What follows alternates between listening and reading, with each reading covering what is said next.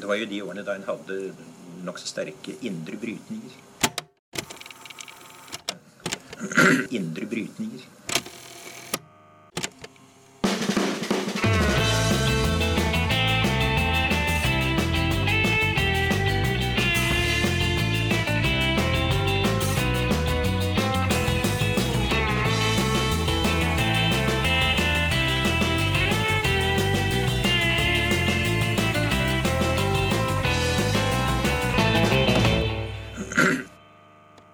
Hei og velkommen til Noen har snakket sammen. Mitt navn er Tiril Rustan Halvorsen. Og jeg heter Aksel Fjellavli. På link fra Bodø i denne gangen. Det stemmer. Ja, vi håper eh, linja holder og at eh, lyden er eh, grei, men vi forsøker. Denne episoden skal vi snakke om sentralbanker. Det har jo vært lenge snakket om hvem som skal overta etter Øystein Olsen, og det har jo vært en debatt preget av eh, personlig egnethet og politiske bindinger, men eh, debatten han, kunne vel egentlig handlet om ganske mye annet, og det er det etter hvert flere som har eh, skrevet om. Annet du, Ingrid Hjertaker, velkommen hit. Takk. Du er stipendiat på Høgskolen i Innlandet og forsker på sentralbanker, særlig da den europeiske og den amerikanske. Mhm. og Kan eh, mye om dette. Em, du har skrevet på, på Twitter og i at uh, bl.a. at skillet mellom penge, finans og industripolitikk ikke er så klart lenger. eh, og at det reiser noen spørsmål da, som vi burde diskutert eh, når vi nå skal ansette en ny sentralbanksjef. Og det ene er hva en sentralbank er og bør og kan gjøre. Eh, og det andre er eh, graden av eh, uavhengighet i et demokratisk perspektiv. Mm. Så vi skal prøve å grave oss litt ned i de eh, spørsmålene i dag. Men først må vi bare ha liksom litt klart for oss hva en sentralbank er. Kan du, kan du klare å forklare oss det? Ja, hvis jeg sier det sånn generelt, så er jo eh, sentralbanker en upolitisk uavhengig, stort sett i dag, formelt, en offentlig instans eh, som har monopol på å utstede eh, det en kaller penger eller sedler og mynter. Vi vet jo ganske mye som dere har hatt om her i tidligere episoder, at det, det, pengeskapingen i samfunnet i dag skjer jo stort sett gjennom private banker, men det er kun sentralbanken som har lisens til å trykke mynter og sedler. Og det er det som historisk har gjort det til liksom, en bank som skiller seg fra andre banker. I dag så da sentralbanker har som sin primære oppgave, er å sikre prisstabilitet. Dvs. si at vi ikke har for høy inflasjon, og at det er forutsigbarhet i eh, prisen på penger. Eh, og det verktøyet som det liksom primært tenkes å bruke for det, er å sette renta. Som den som vi ser i media og sånn, og liksom skal rente opp eller rente ned. Og det er jo ikke, Sentralbanken kan jo ikke bestemme hvilken rente vi får i banken når vi ber om et billån eller et eh, boliglån, men gjennom den styringsrenta som sentralbanken har, som er den eh, renta banker får hvis de plasserer penger i sentralbanken, eller må betale hvis de skal låne. For banker, private banker i finanssystemet har jo kontoer hos sentralbanken. De må betale den renta som eh, sentralbanken setter. Og da blir da et slags signal, tenken, på hvilken rente bankene skal ta av eh, privathusholdninger eller bedrifter. Så liksom en setter gjerne opp renta hvis en ønsker å bremse aktiviteten i økonomien, hvis en tenker at nå er det litt overoppheta.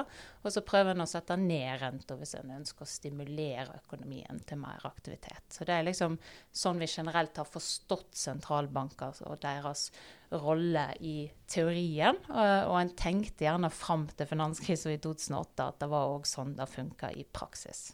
Mm. du føler at det er et eh, par ting, et par menn etter det? Ja, da, har- da har du på sagt litt også om hva eh, pengepolitikken er. fordi den økonomiske politikken er jo i dag delt i pengepolitikken som sentralbanken driver med, og finanspolitikken som politikerne driver med. Eh, kan du si noe om hva liksom, pengepolitikken er i praksis? Ja, det som er artig med det, at vi definerer jo da litt ut ifra hvem som driver med det, og ikke så mye det substansielle. At vi Mm. tenker pengepolitikken er det sentralbanken driver med, og så finanspolitikken er det liksom et finansdepartement driver med, og så har du òg beslekta med da næringspolitikk eller industripolitikk som andre Um, så når du ser på liksom det, de definisjonen av pengepolitikk som er vanlig i dag, så tenker en jo primært på dette med hva sentralbanken gjør for å sikre prisstabilitet. Og som jeg sa, så har en tenkt i hovedsak at det er å sette rente og renteverktøyet opp og ned. Og så er det òg den liksom låne- og likviditetsvirksomheten som banken gjør for andre eh, Som sentralbanken gjør til private banker. Men når, hvis du går på Norges Bank sin side, så definerer de pengepolitikk som alt de gjør for å sikre prisstabilitet. Mm. Så da vil jeg jo si at liksom, enhver ting sentralbanken gjør, kan de definere som pengepolitikk. Og hva kan de tingene være utover å sette renten? Ja, altså I Norges bankmandat så, så ligger det i at de kan gi kreditt i spesielle tilfeller. Og da har jo mange sentralbanker gitt i årene etter finanskrisen. Sånn, tenk en likviditetstiltak til banker. da Normalt før 2008 så tenkte han at da gir de kanskje penger over 24 timer eller ei uke akkurat for å liksom eh, hjelpe banker når de har liksom fordringer som er ut én dag, og så får de penger inn neste dag. Men for å stimulere økonomisk vekst og for å liksom bekjempe kriser. Så begynte han å utvide. da, Den europeiske sentralbanken begynte jo å gi lån med tre års varighet. Så hva er forskjellen mellom da og en tenker sånn næringspolitikk, som man tenker hvis staten eller Næringsdepartementet gir en lån til en virksomhet, så definerer de det vanligvis som næringspolitikk eller industripolitikk. Så da kan sentralbanker gjøre. Og så kan de òg kjøpe statsobligasjoner, som en har gjort i, i, stor grad i andre land, ikke så mye i, i Norge. Og da, om det er finanspolitikk, er det å liksom lette finansieringsvilkårene for staten og for stat, det staten måtte ha lyst til å gjøre over statsbudsjettet, så er jo da grensene mellom hva som er pengepolitikk og hva som er finanspolitikk, ganske uklart. Mm. Og da begynner jo sentralbanksjefer og, eh, og sen, folk som jobber i sentralbanker, å være klar over sjøl at de grensene har kanskje aldri vært kjempetydelige, men nå når en har drevet med masse det som kalles ukonvensjonell pengepolitikk, eller pengepolitikk som går utover bare å sette renta, at grensene der er ganske uklare. Og mm. da er det jo spørsmål liksom sånn hva skal da sentralbank, hvis det er uklare grenser, hvordan skal vi da tenke om at det er ikke valgte teknokrater som sitter og tar disse avgjørelsene om hva pengepolitikken skal være. Mm. Men, men, så er det jo også, hvis man ser på mandatet til sentralbanken, så er det jo ikke bare prisstabilitet, men det er jo også eh, andre form, former. altså Noen snakker jo i forbindelse med den amerikanske sentralbanken, i hvert fall det kan hende det gjelder sentralbanker internasjonalt generelt, men man snakker om en sånn dual mandate. altså At det både er prisstabilitet, men også å sikre en, en uh, høyest mulig sysselsetting. Jeg husker ikke helt formuleringa i, i Norges Bank sitt, uh, sitt mandat. Um, så, så, da blir det jo ikke altså, Til slutt så ender man jo opp med at pengepolitikk bare er det sentralbanken gjør. Det er ikke, liksom ikke så formålsstyrt heller. Ja, nettopp. Sant? De fleste sentralbanker, inkludert Norges Bank, har nå prisstabilitet som primærmandat. Men så har de gjerne et mm. sekundærmandat eh, som sier altså, i Norges Banks tilfelle at de skal bidra til eh, å sikre hva var formuleringen, stabil produksjon og sysselsetting i landet. Og De fleste land har det som sekundærmandat. Eh, den amerikanske sentralbanken er jo en av de få som har de som likestilte. Eh, ja, så de, sånn som Norges Bank skal si at liksom, de kan bidra til sysselsetting og økonomisk vekst så lenge det ikke går utover prisstabilitet. Men den amerikanske skal balansere det. Men så er det spørsmålet om de har gjort det i praksis. Altså Nå virker det som den amerikanske sentralbanken begynner å ta det på alvor. Sant? De sier at nå tolererer vi litt høyere inflasjon enn vi gjorde, fordi vi mener at vi har ikke full sysselsetting ennå. Men Janet Yellen, som nå er finansminister og tidligere var sentralbanksjef, når hun var sentralbanksjef, så snakka hun om at før 2008 eh, så ville ingen i den amerikanske sentralbanken snakke om the dual mandate. For de mislikte så sterkt at de hadde et sysselsettingsmandat. Og hun sa å ta det opp var som å stikke nåler i øynene på de som jobber i sentralbanken. Og at de virkelig mislikte at de hadde eh, et eh, sånn dobbeltmandat, og at i praksis så ignorerte de det og hadde prisstabilitet som primærmandat. Så det er jo òg et eksempel på liksom, at det er forskjeller på hva som formelt står i mandatet, og hvordan de i sentralbankene tolker sitt mandat, og hva de velger å prioritere.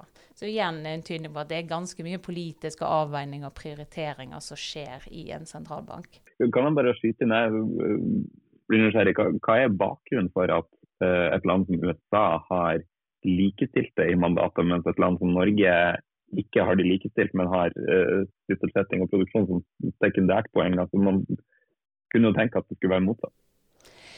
Ja, altså Etableringen av sentralbank i USA har jo vært veldig kontroversielt. Det var en av de siste landene i liksom vår industrialiserte delen av verden som fikk det. Og nettopp fordi at det er et liksom føderalt system som var veldig redd for at um, Washington og liksom nordstatene skulle få for masse makt. Eh, og Derfor la han en del begrensninger på sentralbanken som du ikke har i andre land. Og den, når økonomer liksom rangerer uavhengighet, og når de ser på den formelle uavhengigheten, så er USA et av de landene i liksom den industrialiserte rike delen av verden som har minst uavhengig sentralbank. Og det har alltid vært et ønske for Kongressen, både når det har vært republikansk og eh, demokratisk styrt, at sysselsetting skal være eh, en del av målet. Og en, har vært, en hadde òg under gullstandarden ganske heftige politiske debatter i USA om at en ikke måtte forfølge prisstabilitet under gullstandarden på bekostning av da særlig landbruket, som sleit med høy gjeld, og, og som gjerne kunne ønske seg at en hadde litt høyere grad av inflasjon. Eh, så det er jo interessant at liksom USA, som vi ellers har som et eh, liksom ideal, eller liksom vi følger mange av deres eh, design på mange måter. De har ikke på en måte kjøpt den sentralbankuavhengighetsteorien fra sitt eget økonomifag i like stor grad som europeiske sentralbanker, men har valgt å beholde eh, en grad av politisk styring, og har bevisst gitt de et dobbeltmandat som gjør at det må være avveininger. Og mm. disse avveininger kan jo da diskuteres i f.eks. Kongressen, der de blir jevnlig diskutert når sentralbanksjefene må møte og, og svare for hva de har gjort. Mm. Ja, fordi Hvor kommer den tanken eh, fra om at eh, sentralbankene må være uavhengige? Altså, Den dukka jo opp i økonomifag i USA på 70-tallet. Og det er jo da en, en, en kontekst der både du er liksom på vei ut av de første etterkrigstiårene, der liksom en hadde ganske stor tro på statens rolle i økonomien. De hadde ganske sterk rolle i eh, industrialisering og i liksom utbygging av velferdsstat og sånn. Og så får du problem med stagflasjon. Sant? At veksten avtar, og du får høy inflasjon kombinert med lav økonomisk vekst og høy eh, sysselsetting. Som jo egentlig gikk mot den teorien man ja. trodde på da, på ja, den tiden. Så det er jo en del som Jeg, jeg vet jeg har diskutert det tidligere, men da blir jo liksom Kanes kasta litt ut av økonomifaget, og en begynner å bli ganske pessimistisk med hvilke intervensjoner eh, staten kan ha. Eh, og da kommer det gjerne ut fra den der revolusjonen i økonomifaget som handler om rasjonelle forventninger. Sant? At vi kan rasjonelt kalkulere eh, konsekvensene av en statlig intervensjon. Så hvis staten skulle innføre noe sjenerøst eh, finanspolitisk tiltak, gratis tannhelse for alle eller gratis barnehage, så klarer vi i henhold til denne teorien å kalkulere med at da kommer skatteregningen til å gå opp om et par år. Eh, så da reduserer vi vårt forbruk i forvente av det. Så det vil si at de konkluderer da med at det er veldig lite sannsynlig at statlige økonomiske tiltak kan ha noen effekt. Pengepolitikken kan egentlig ikke påvirke noe annet enn inflasjonen. Mm. At de sier at mengden av penger i systemet som sentralbanken påvirker, da kan kanskje påvirke nominelle variabler, som det kalles, altså priser og lønninger og sånn, men det påvirker ikke de reelle økonomiske variablene, altså sysselsettingen, veksten, investeringsgraden. Så derfor bør vi ikke intervenere og forsøke å gjøre noe annet enn prisstabilitet. Uh, og en advarte òg om at forsøk på å gjøre noe annet kunne få ganske fæle konsekvenser. Så tenker jeg ok, nå er det bare prisstabilitet vi skal ha som mål. Og så begynte jeg å tenke hvordan kan vi best sikre det? Hvordan kan den forpliktelsen til å holde inflasjonen lav være mest mulig troverdig?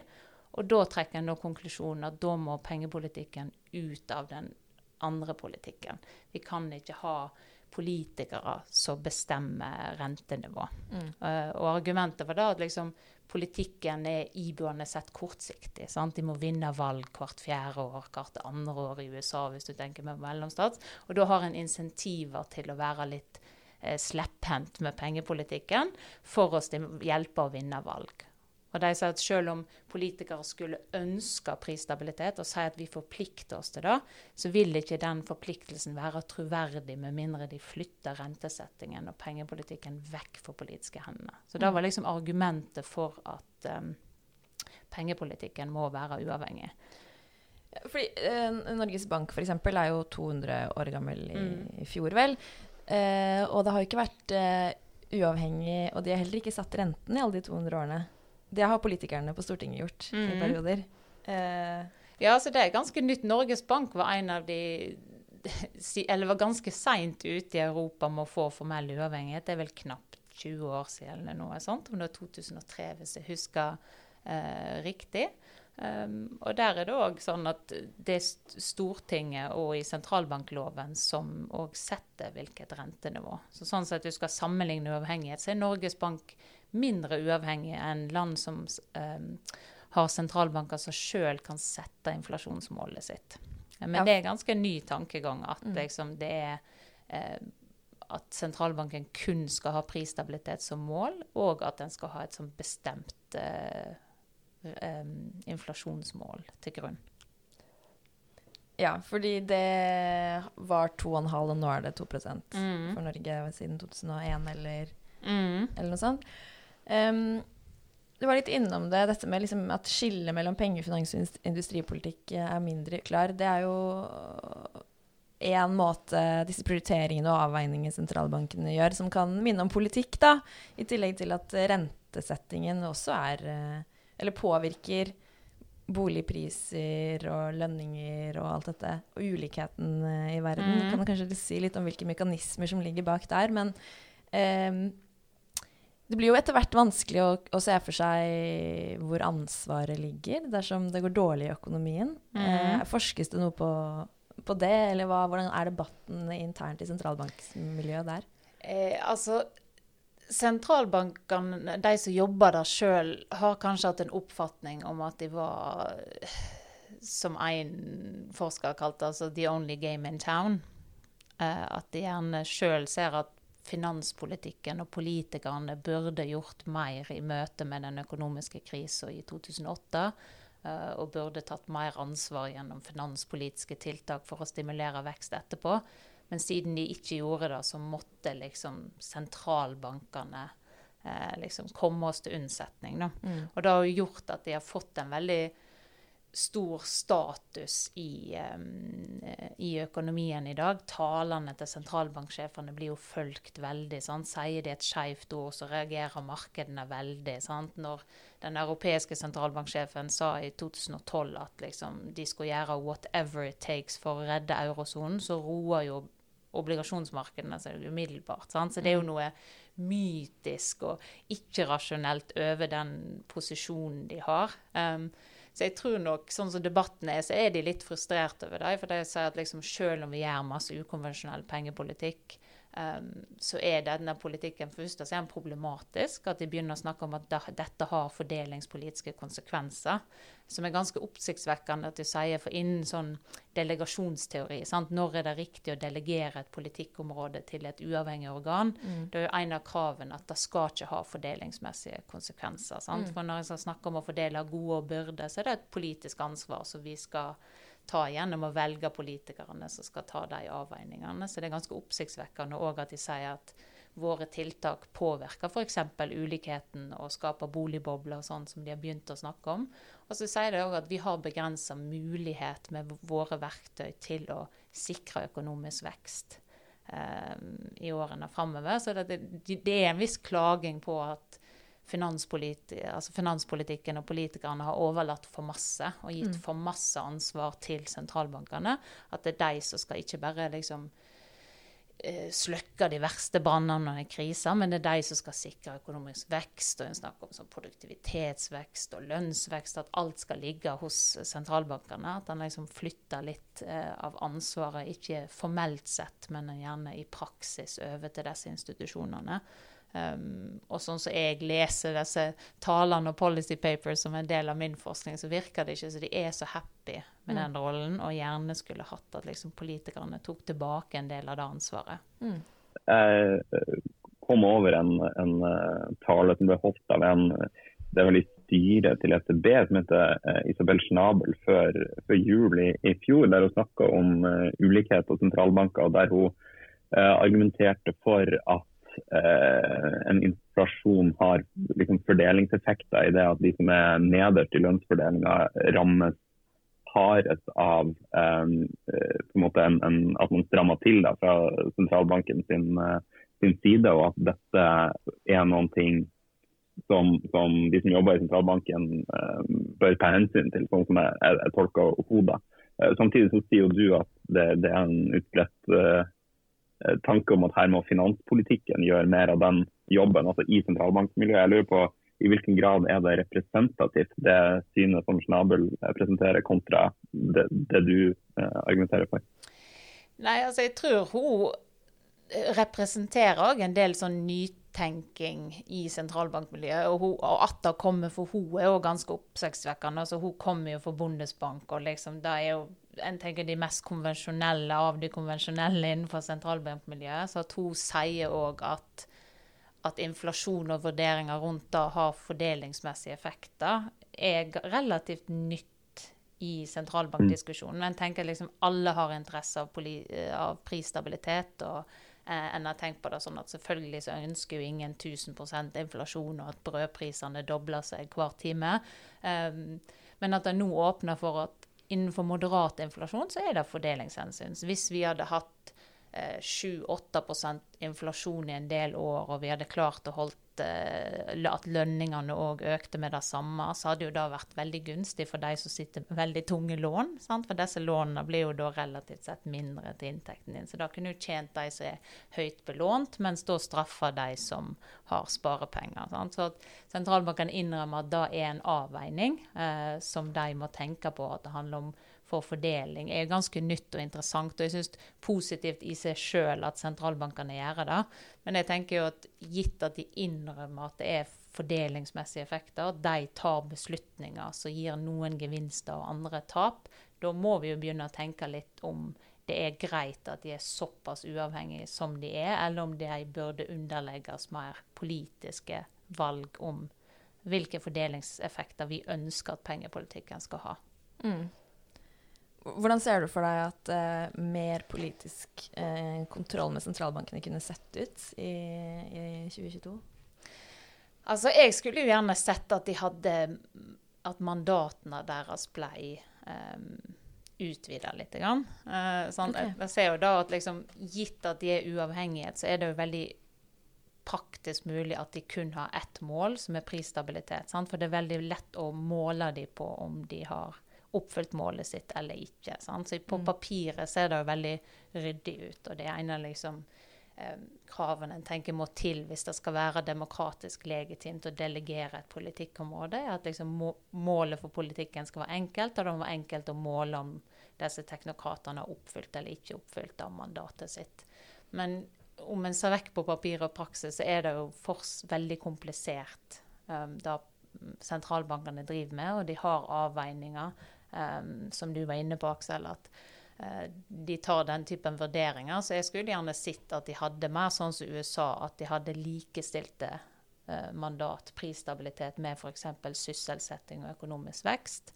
At de får mer grønne mandat, som den engelske sentralbanken nå har fått. Det er jo underordna prisstabilitetsmandatet, men at en begynner å tenke på at pengepolitikken òg har en rolle å spille i, um, i det grønne skiftet. Mm. Det blir jo mer utfordrende da å holde de til ansvar når de har et komplekst mandat, og de er nødt til å gjøre og eh, på papiret nødt til å gjøre større avveininger enn de formelt sett gjør i dag. Og da tenker jeg at det er mer naturlig at oppnevningen av en sentralbanksjef blir eh, mer, et, en politisk beslutning mer enn en eh, bare forvaltningsbeslutning, sånn ja, som det er i dag. Stortinget rett og slett må velge. Ja, for eksempel. Mm.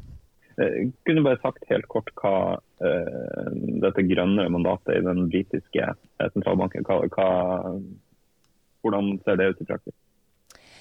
I praksis ser det ut at liksom, hvis de har oppfylt andre delen av mandatet, som eh, prisstabilitet og finansiell stabilitet, så skal de tenke gjennom hvordan deres pengepolitikk påvirker eh, mulighetene for et grønt skifte. Det er jo f.eks. gjennom at de skal se på pantelånsordningen sin. Når banker trenger likviditet for sentralbanken eller lån, så må de ofte legge verdipapirer som pant eh, for å sikre da lånet. Og sentralbanken bestemmer da hvilke verdipapir som banker får bruke som pant. Og da er det gjerne verdipapirer som har høy kredittrating og sånn, og som noen argumenterer for at sånn som det er i dag, så er det mer gunn, så får du bruke brune verdipapirer i hermetegn. altså verdipapirer til etablerte olje- og gasselskaper som pant for sentralbanklån, men du får ikke bruke obligasjoner eller andre til mer nyoppstarta grønne eh, bedrifter og virksomheter. Så hvis en hadde endra de pantelånsreglene til f.eks. å si at vi godtar bare grønne obligasjoner som pant for likviditetslån, så hadde en jo endra insentivene i finanssektoren på hvilke typer verdipapirer det er gunstig å holde. Og selvfølgelig vil det jo da dukke opp masse problematikk av hvordan skal du sertifisere hva som er en grønn og brun obligasjon, og det blir masse greenwashing og sånn. Da tenker jeg Det blir jo en sånn sekundær problemstilling, men det første har da at hvis en ikke, det ikke går på bekostning av de andre målene, så kan sentralbanken tenke litt mer gjennom hvordan de pengepolitiske verktøyene kan vris til å iallfall ikke hindre et grønt skifte, og kanskje òg hjelpe det litt på vei. Mm. Mm. Mm, man kan jo se for seg at det å innføre et inflasjonsmål var helt riktig i 2001. At eh, Mhm. det var det situasjonen og det økonomiske bildet var, gjorde at det var det man skulle gjøre. Eh, men så har jeg inntrykk av at det har liksom skjedd ting særlig etter 2008 og finanskrisen som gjør at det kanskje ikke nødvendigvis Du har jo på en måte vært innom det at mandatet burde utvides. Men hva er det som har skjedd i, i økonomien generelt som gjør at eh, bildet er annet i dag enn i 2001? Ja, altså Hvis du går tilbake til 70-tallet, så var jo for høy inflasjon var det primære økonomiske problemet. Sant? Så det var jo ikke uh, unaturlig at liksom økonomifaget også sa ok, hvordan løser vi det, og kom på liksom sentralbank, uavhengighet og liksom prisstabilitet som primærmål som en løsning på det. Mm. Da var en jo gjerne i en tankegang at liksom finansiell stabilitet stort sett eh, går av seg sjøl. En hadde jo veldig optimisme før 2008, at liksom bankene regulerer seg sjøl, og priser er rasjonelle osv.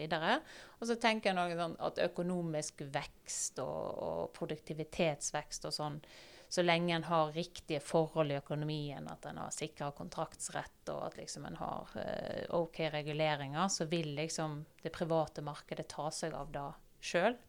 Uh, og nå har vi jo sett i en periode i tiåret etter 2008 at pris, altså at den økonomiske veksten kom ikke tilbake. sant? En snakker om sånn V-forma um, tilfriskning etter krise. At liksom eh, tallene stuper ned igjen, men så går de raskt opp igjen. Dette skjedde ikke denne gangen. sant? En sliter med lav vekst, en sliter med lav produktivitetsvekst. Eh, en har òg slitt inntil ganske nylig før pandemien med veldig lav lønnsvekst i Europa og USA. Eh, og sentralbanker begynner å stille spørsmål med Kanskje vi ikke engang forstår sammenhengen med hva som skaper inflasjon. Sant? Men I 2016-2017 så alle tallene sa at nå skal vi se inflasjon i økonomien, og så så en ikke det. Og Da begynte han å åpent i USA og England og Europa snakke om at kanskje modellene våre for våre kausalmodeller for hva som forårsaker inflasjon, er feil. Kanskje vi ikke forstår økonomien så godt som vi tror. Sant? Så Den begynner å stille spørsmål ved en del av de forutsetningene som ligger til grunn for den eh, modellen vi har.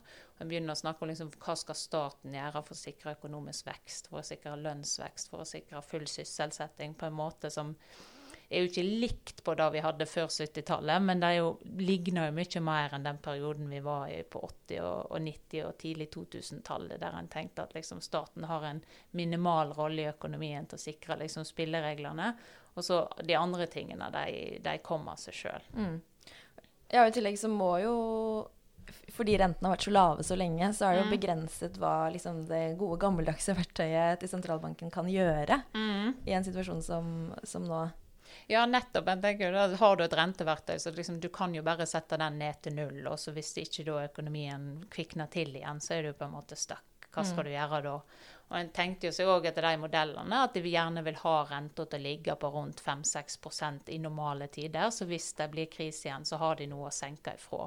Men de normale tidene kommer jo aldri tilbake igjen. Sant? Så en har vært i en situasjon der en er i det i sånn zero lower bound, som de kaller det på engelsk, med at rentene er liksom veldig nær null og ligget der veldig lenge. Og at skal du da påvirke økonomien, s- så må du òg innenfor pengepolitikken bruke andre verktøy. Sant? Stimulere på andre måter. Og det er da jeg mener at den typen politikk begynner å ligne på næringspolitikk og ligne på finanspolitikk, og at grensene der er blitt veldig uklare. Ja, for det er jo i en så global økonomi, Mm. så er det jo ikke nødvendigvis hvilken rente Norge har som påvirker inflasjonen i Norge. Vi ser jo det, nå er det jo gassprisene fra Mm. Russland som egentlig kommer inn som inflasjonen i Norge. Mm. Og den norske sentralbanken setter jo heller ikke renta uavhengig av hva den amerikanske og den sentral, eh, europeiske gjør, vil jeg Nei, tro. nettopp. sant? Vi er en liten, åpen økonomi, og det er jo særlig den amerikanske renta og renta i amerikanske finansmarkeder, som òg norske banker er en stor del av. Det påvirker òg liksom de rentene i den norske økonomien. Så liksom den modellen vi har om at liksom sentralbanker opererer innenfor et land med sin valuta og styrer renta inn der, den, det har kanskje alltid, aldri vært helt i overensstemmelse med virkeligheten, men nå når finansmarkedene er så globale, og norske finansinstitusjoner er så involvert i amerikanske pengemarkeder, sånn, så er det jo en enda større illusjon. da. Og da ser en òg at sentralbanksjefene har jo veldig mye kontakt. De møtes mye internasjonalt mange ganger i år og diskuterer eh, pengepolitikk og riktige valg og nye ideer og sånn. Så det er jo en, eh, det er på en måte en veldig internasjonal rolle eh, sentralbankene har. Så gitt eh, at det har vært ulike såkalte pengepolitiske regimer gjennom flere, flere mm. tiår og hundre år, hva vet vi om eh, hvordan økonomiene har gått? Er det noe empiri som viser noen sammenheng mellom hva er det som fungerer best gitt liksom, stabil, stabile priser og en økonomivekst? Går det an å si noe om det? Ja, altså Når økonomifaget begynte å argumentere for dette, så kunne de jo ikke liksom slå i bordet med empiri, for det var, det var ingen sentralbanker som var noe særlig uavhengig. Men så begynte den som en konsekvens av at disse teoriene ble bredt aksepterte, så innførte en jo eh, sentralbankuavhengighet i, i mange land. Så da begynte jo økonomer å, å, å se på korrelasjonen mellom det og prisstabilitet. Og da fant en i et sånt kjent paper av Larry Summers og Alesina i 93 at land som har formell sentralbankuavhengighet, gjør det bedre på prisstabilitet. Det var iallfall en korrelasjon der. Men de sa òg at de kunne ikke måle noen effekt eh, av sentralbankuavhengighet på andre økonomiske variabler, som sysselsetting eller vekst. Eh, Så det var ingen, Og de var jo liksom folk som var virkelig i den leiren på at de ønska sentralbankuavhengighet. Larry Summers har jo endra oppfatning litt siden den gang. Eh, Men da òg sa de at liksom det ser ut til å ha en effekt på prisstabilitet. Eh, Andre har jo kommet i etterkant og sagt at ja, men kanskje det har noe med den, liksom, den større institusjonelle konteksten, om vi har tillit til styringssystemet i, i, i bredere forstand. Sant? I Tyskland, når de hadde hyperinflasjon, så prøvde de å gjøre sentralbanken uavhengighet, men det hjelper jo ikke når det er politisk kaos og ingen har tillit til, til det øvrige politiske eh, styringsregimet. Så jeg tror nok at den sammenhengen er nok kompleks, men at det kan være en effekt av at en har større tillit til pengesystemet når sentralbanken har en grad av uavhengighet, og at da eh, en kanskje presterer bedre på inflasjonsmål. Da. Men som Ja. sagt så er det ikke noe sammenheng med det nødvendigvis at da er bedre for økonomisk vekst eller for sysselsetting. Så igjen tilbake til det spørsmålet ditt at hvis vi har ulike mål for den økonomiske politikken, hvordan skal vi da prioritere eh, mellom disse? Så tilliten til eh, sentralbankenes Eller til pengepolitikken er viktig uansett om den er uh, veldig uavhengig eller ikke så uavhengig av politikerne? Ja, da vil jeg si selvfølgelig at tillit, altså pengesystemet nå som det har hatt veldig mange gode episoder om, har jo veldig mye om sosial tillit og institusjonell tillit. Det er ikke noe formelt som backer våre pengesystem, og de er avhengig av at folk har tiltro til at både andre vil godta penger som byttemiddel, og at de har en noenlunde stabil verdi. Mm. Um, uh, om det er liksom sentralbankuavhengighet er det eneste som sikrer det, eller at det er mer eh, komplekst. Da vil jeg tro at det handler litt mer om stabilitet og institusjonell tillit til samfunnet. Sant? Tror du at det er veldig korrupt forhold mellom eh, Det kan jo være situasjoner der du har formell sentralbankuavhengighet, men i realiteten så har presidenten, sentralbanksjefen, på speed dial og mm. beordrer pengetrykking når han vil, og det er jo nok ikke en eh, ønskelig situasjon. Så det er jo viktig å ha, ha tillit til det. Men det er jo kanskje ikke ønskelig å være i en sånn situasjon der bare et ord for en sentralbanksjef er nok til å liksom skape panikk i markedet. Sant? Så vi har hatt situasjoner når Lagarde ble litt sint på en pressekonferanse tidlig i pandemien og sa at liksom hun skulle ikke komme og redde Italia og italienske statsobligasjoner. Så krasja da markedet, og så måtte hun gå og unnskylde og sånn. Da er vi jo kanskje i en situasjon der den tilliten vi gir til sentralbanker og sentralbanksjefer, kanskje er litt for overdrevet. da. At vi burde kanskje sette vår lit til kanskje andre deler av den økonomiske politikken. og ja, Det har jo vært en del svingninger ja. Eh, i det siste med tanke på hva Jerome Powell i USA skal ja, si om rente. Ja, der òg fikk han jo panikk, og så tolket han litt etter. Sa han egentlig da markedet opprinnelig trodde han sa, eller bare overreagerte de? Sant? Hvor mm. snart kommer den renteøkningen? Så det ser jo ut som de, de har fått en veldig sterk posisjon i finansmarkedene, og ikke nødvendigvis noe som kan lese ut av deres formelle mandat, men det er jo en posisjon vi har gitt dem, hvordan vi dekker dem i pressen og talene, hvordan vi følger dem liksom sånn minutt for minutt. Mm. Um, eh, som er en veldig spesiell situasjon. Mm. Mm. Ja, nei Det er jo nesten sånn på en måte på, på nivå av hva skal si, sånn bibeltolkning. En del sånn, ja, Hva mente de med liksom, mm. hva, hva, betyr ordet 'transistory' når det blir sagt? Er det liksom uh, veldig mye sånn um, diskusjon rundt bare sånn tolkning av de ordene? og det understreker vel egentlig nettopp det du sier om noe av det mytiske i mm. liksom, den posisjonen som, som uh, særlig sentralbanksjefen har. da. Mm. Og da er det kanskje ikke så rart at det blir mye diskusjon når eh, vi skal få en ny sentralbanksjef. Mm. I lys av det vi har på en måte snakket om da, hvordan plasserer du den eh, debatten vi har hatt i Norge nå? Jeg har jo vært litt skuffa, for jeg synes jo altså, det er jo selvfølgelig relevante spørsmål om eh, Stoltenberg, som en av kandidatene, om han har for tette politiske koblinger. For da går det på tilliten? Da går det på tilliten. Mm. sant? En har snakket om kanskje det vil svekke posisjonen til krona i internasjonale valutamarkeder og sånn. Men en har fortsatt, debatten syns jeg har vært preget av at en fortsatt tenker på at prisstabilitet er det eneste målet. Og det er liksom rentesettingsverktøyet som er det primære verktøyet opp og ned. Eh, og Derfor er det ikke så interessant å finne ut hva er det de ulike kandidatene mener pengepolitikken bør være, hva for ideer har de om hvordan Norges Bank skal liksom mm. eh, endre seg i de kommende årene. Hva ser de for seg til å være Norges Banks rolle hvis vi skal få til et grønt skifte? Sant? Eh, denne typen spørsmål eh, som reflekterer de vurderingene som faktisk ligger i den rollen. Altså Sentralbanksjefen har nok ikke så mye å si for akkurat om renta går opp fem og et kvart prosentpoeng eller ned. Sant? Det settes jo av en komité. Men disse mer uklare elementene av mandatet. Sant? Hvor masse vekt skal du gi til det sekundærmandatet om sysselsetting og, mm, mm. Og, og, produksjon i økonomien? Hvordan skal du tolke det at det åpner opp for at Norges Bank kan gi kreditt?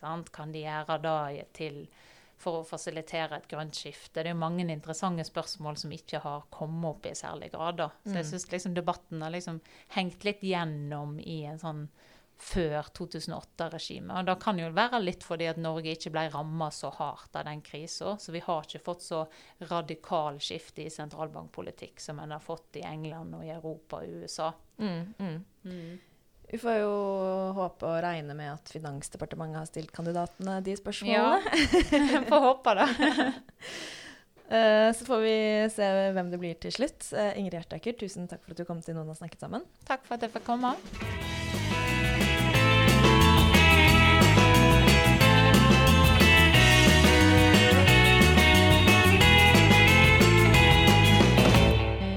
Det var eh, Ingrid Hjertaker. Eh, min lille anbefaling denne uka blir jo hennes podkast, da. Som hun har Ja. med Tax Justice eh, Network eh, Norge og Peter Ringstad. Den heter eh, Pengeland. Eh, det kan jo være en kjent uh, tittel for noen. Det er jo da etter Oliver Bollow, som også har vært gjest i Og hans bok 'Pengeland', som også har vært gjest i podkasten her. Det er da en, en podkast om økonomiens skyggesider, og de er jo ganske mange. Så det er en spennende podkast å, å få med seg. Men du har, eh, ja, du har sikkert også en, på en anbefaling, Aksel?